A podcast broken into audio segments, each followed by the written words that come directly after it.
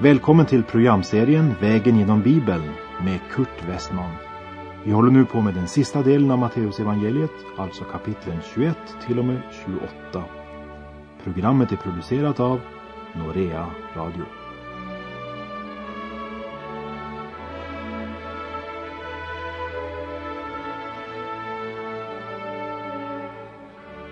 Vi har nu kommit till Matteus kapitel 24 och kapitlen 24 och 25 innehåller det sista av de tre stora tal Jesus höll och som återges i Matteusevangeliet.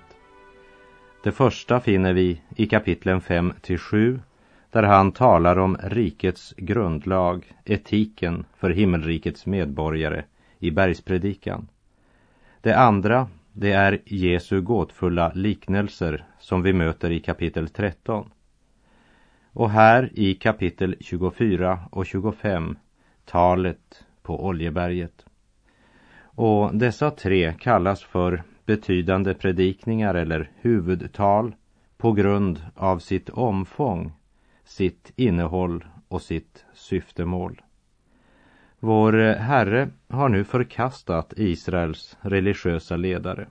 Han har vänt ryggen till Jerusalem och han har förkunnat att deras hus, det vill säga deras tempel, ska läggas öde. Vi läser från Matteus evangeliets 24 kapitel och vers 1. Jesus lämnade templet och gick bort.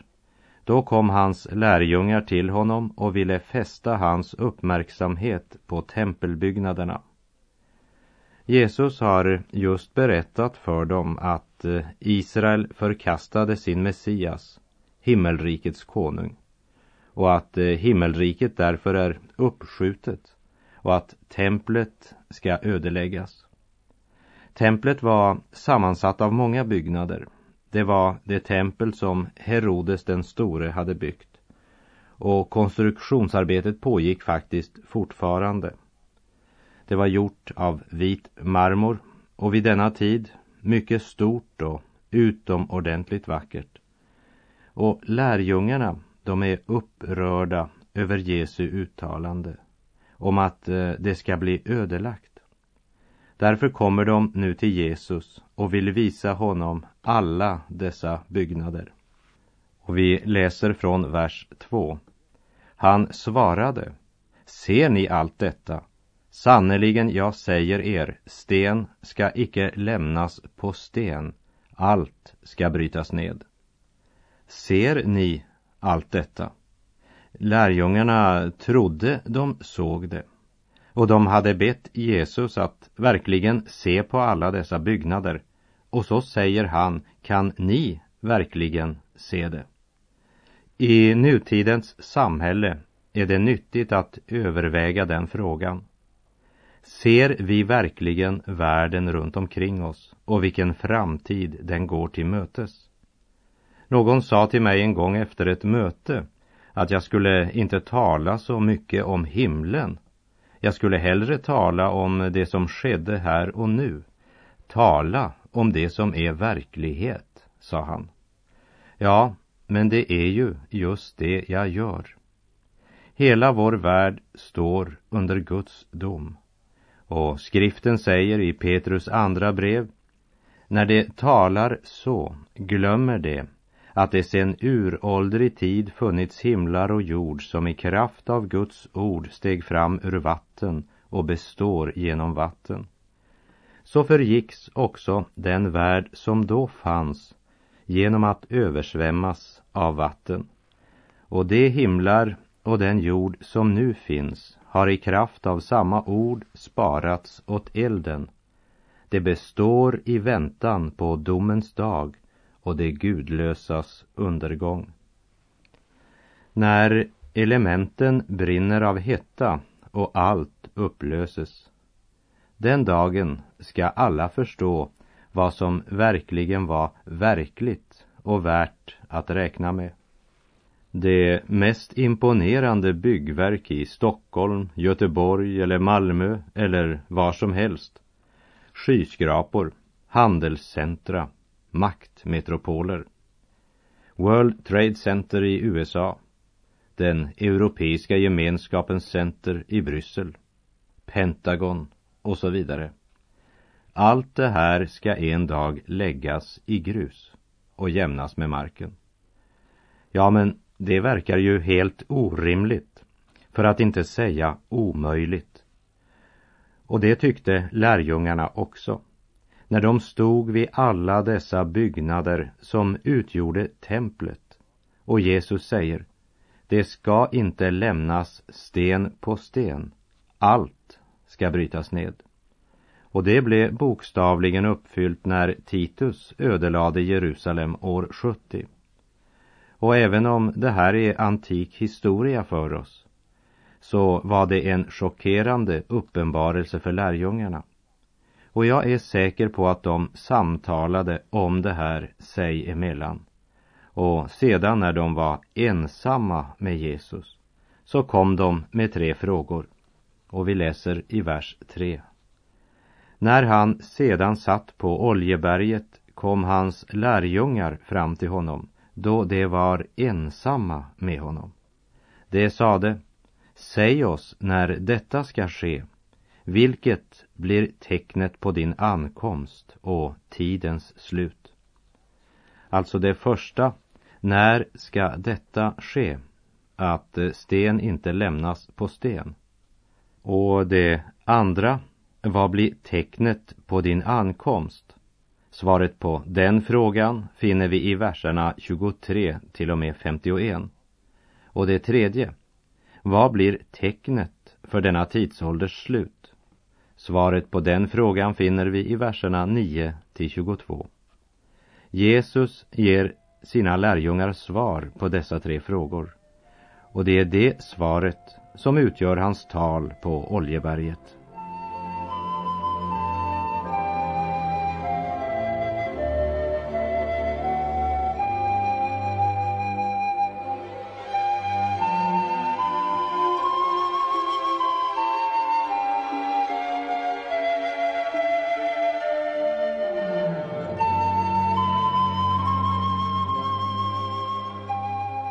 Lärjungarnas första fråga, när ska detta ske, att sten inte lämnas på sten, besvaras inte i Matteusevangeliet.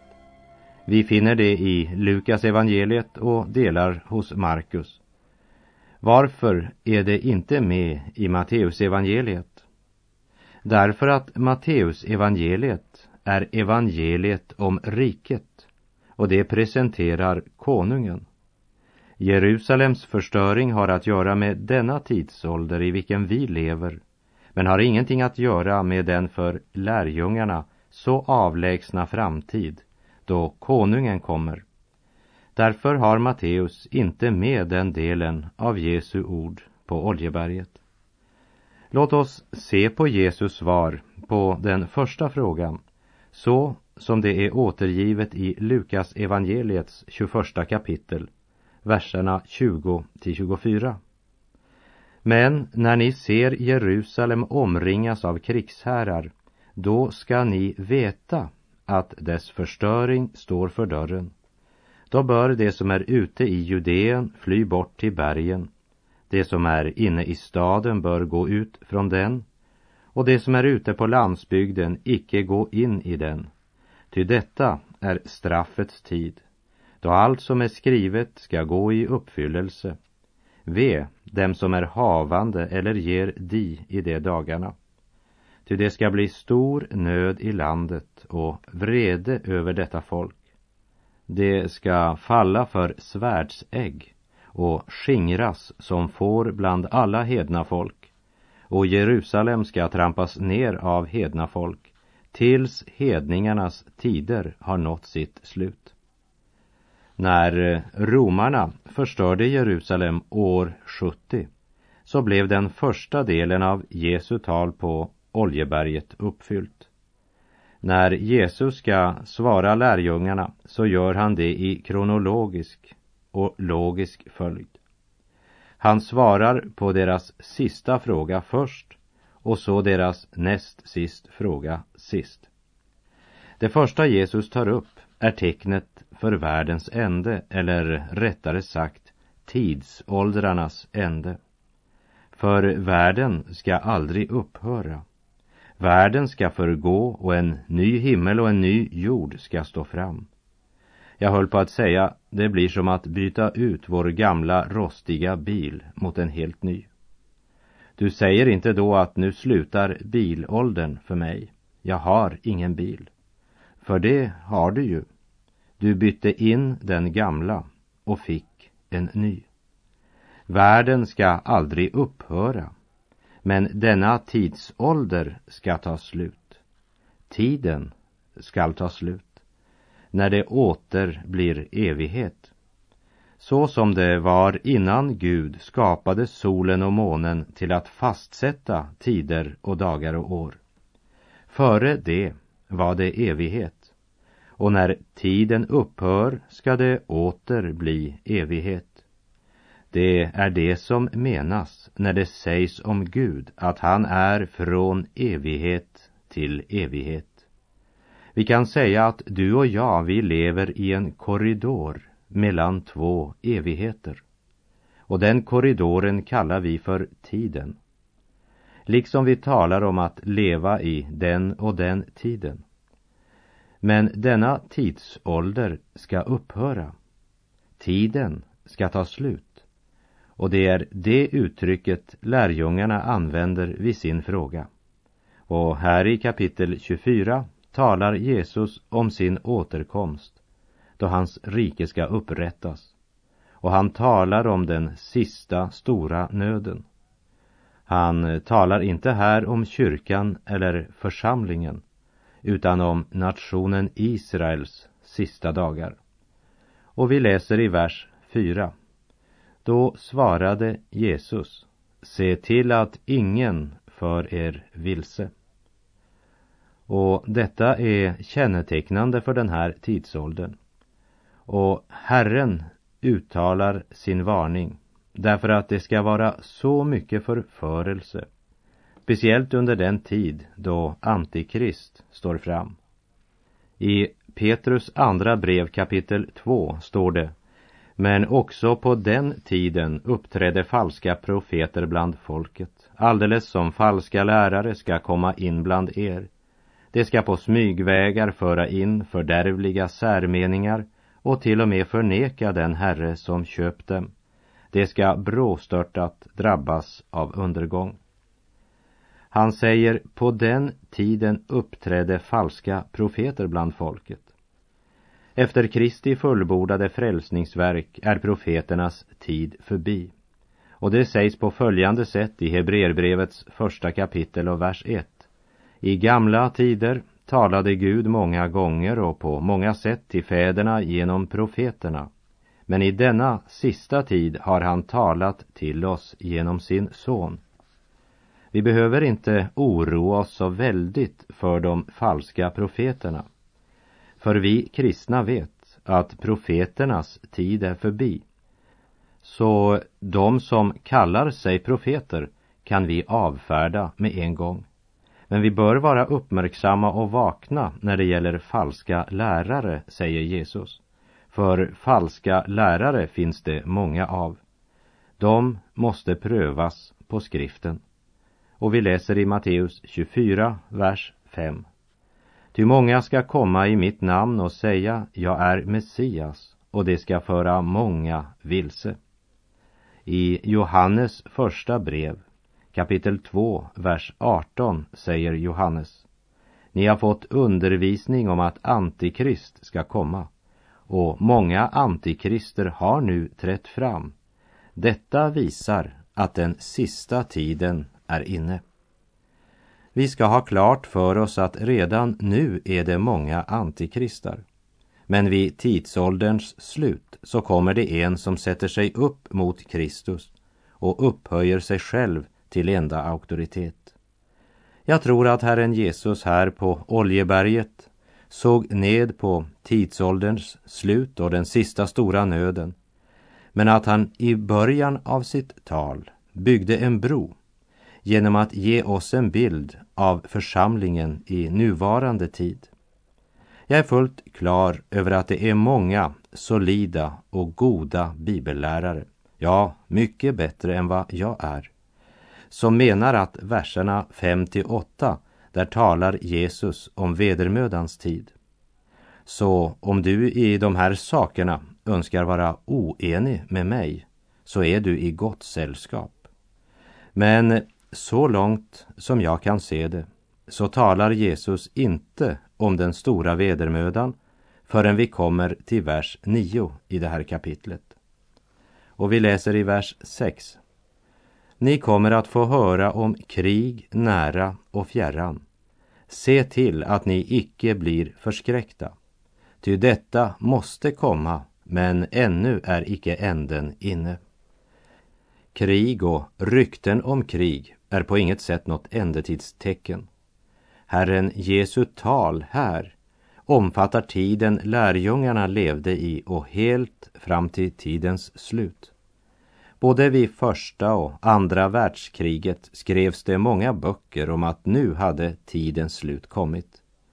Nu är det länge sedan andra världskriget avslutades och tidsåldrarnas ände har ännu inte kommit. Vi borde höra på Herren och sluta att lyssna till falska profeter. Och även ha klart för oss att människan aldrig kan lösa krigets problem. Man bildade FN, Förenta Nationerna, för att förhindra krig. Men det har aldrig i historien varit så många krig som efter att det blev bildat. Människan står maktlös. Och vi läser i verserna 7 och 8. Folk ska resa sig mot folk och rike mot rike och det ska bli hungersnöd och jordbävningar på den ena orten efter den andra. Allt detta är början till födslovåndorna. Detta ska alltså känneteckna hela tidsåldern, det vill säga från Jesu himmelsfärd till hans återkomst. Så det är inte ett tecken. För som det stod i slutet av vers 6, ännu är icke änden inne. Falska messiaser, rykten om krig, hungersnöd, jordbävningar ska prägla hela den nytestamentliga tidsåldern, som ju är den sista. Det är den sista tiden. Och ju närmare änden vi kommer, desto oftare och kraftigare ska det komma. Och det ser vi idag. Och det vi ser, det är början på nöden.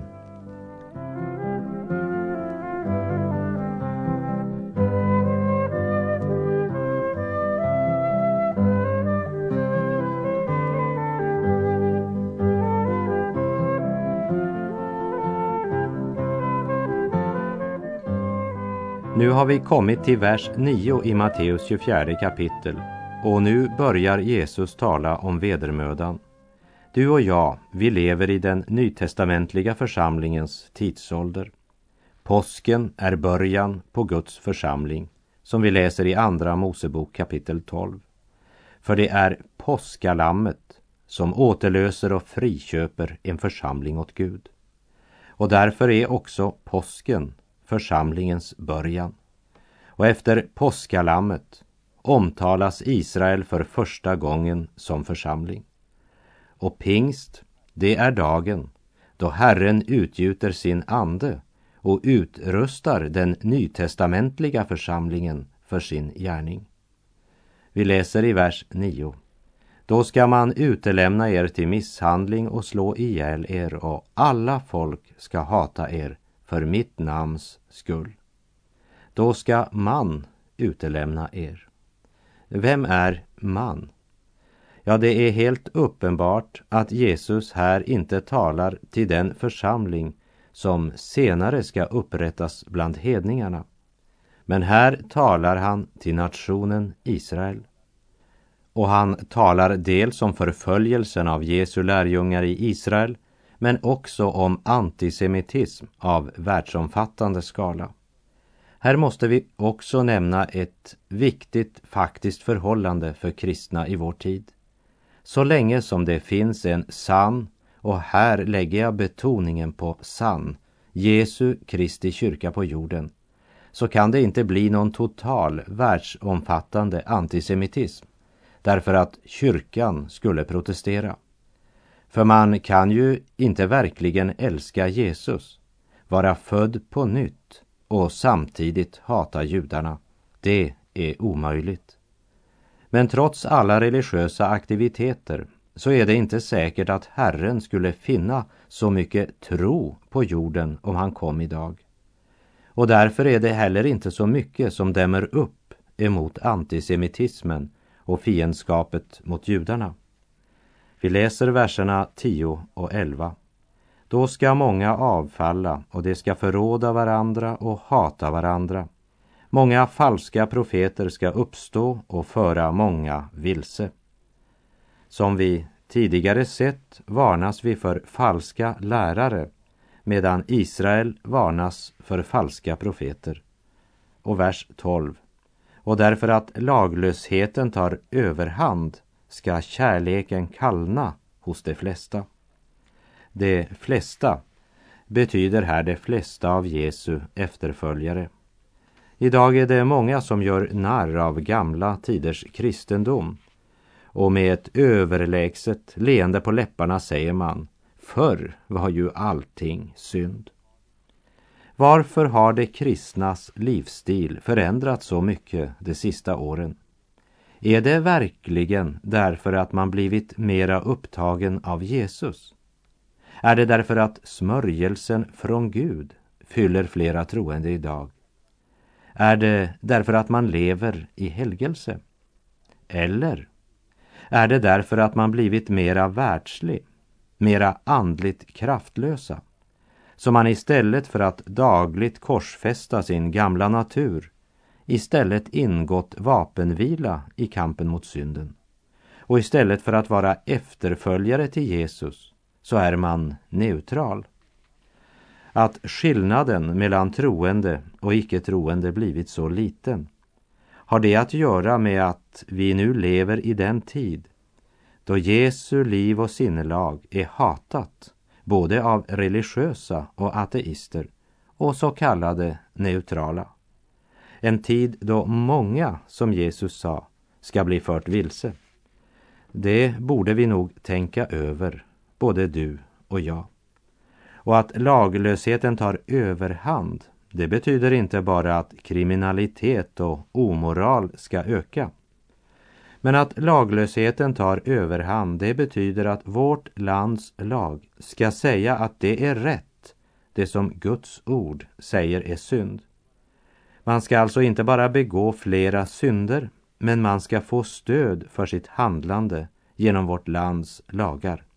Det vill säga, laglösheten tar överhand. Och vi läser i vers 13. Men den som håller ut intill änden, han skall bli frälst. Frågan är, vem kommer att hålla ut intill änden? Ja, när jag läser Uppenbarelseboken så ser jag att Gud stoppar naturkrafterna och alla onda krafter, ja, även de goda krafterna, medan Herren tecknar dem som tillhör honom med sitt insegel på deras pannor. Så vem håller ut intill änden? Ja, de som han sätter sitt insegel på i början. Den gode herden vill i alla tidsåldrar föra sina får fram till målet. När han startar med hundra får så kommer han genom med hundra får. När någon säger att den och den var så aktiv i församlingen men har nu fallit i synd och lever borta från Gud, blir han frälst? På det kan jag bara svara att det vet jag inte. Vi får bara vänta och se vad som sker. Vad jag säger är att svinen vill hamna i svinstian och de förlorade sönerna vill finna vägen tillbaka till sin fars hus. Det är förvirrande att finna en son i svinstian och lika förvirrande att finna ett svin i fars hus. Petrus säger i sitt andra brev och kapitel 2 Det har gått dem som det träffande heter i ordspråket. En hund vänder om till sina spyor och ett tvättat svin vältrar sig i dyn. Och på samma sätt kan man inte i längden bli i Guds församling om man inte är född på nytt. Men förr eller senare återvänder man till syndens liv, trots alla sina religiösa aktiviteter. Det har hänt att ett Guds barn har sökt sig till svinstian.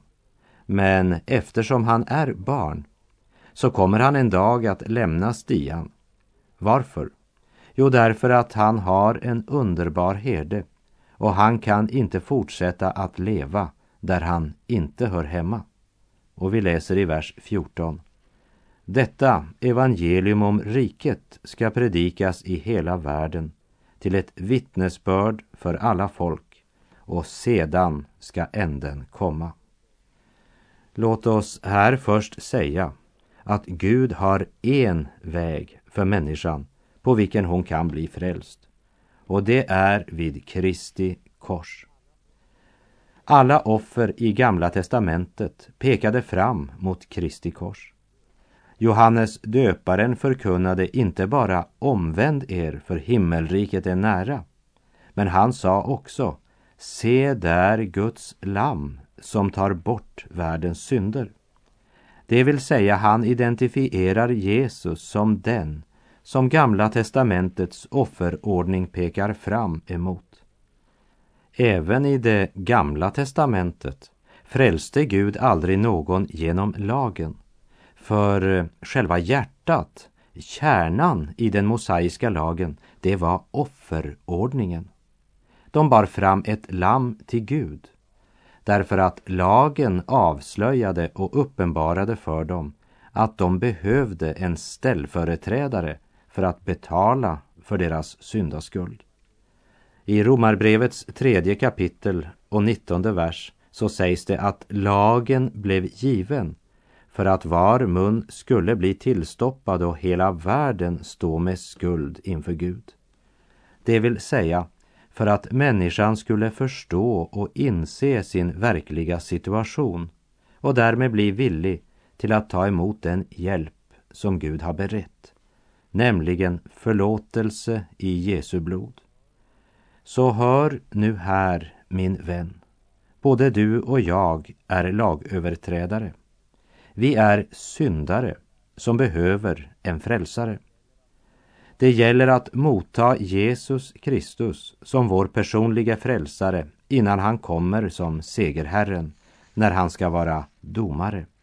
Det är mycket viktigt att läsa ordet sammanhängande och låta orden stå i det sammanhang det står.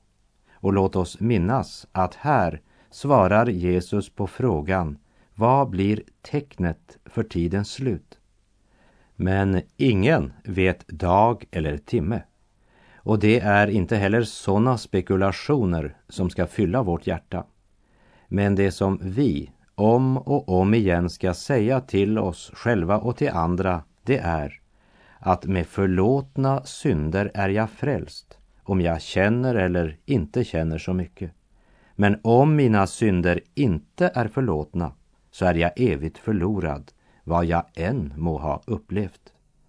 Och med det så säger jag tack för den här gången. På återhörande om du vill. Herren vare med dig. Må hans välsignelse vila över dig. Gud är god.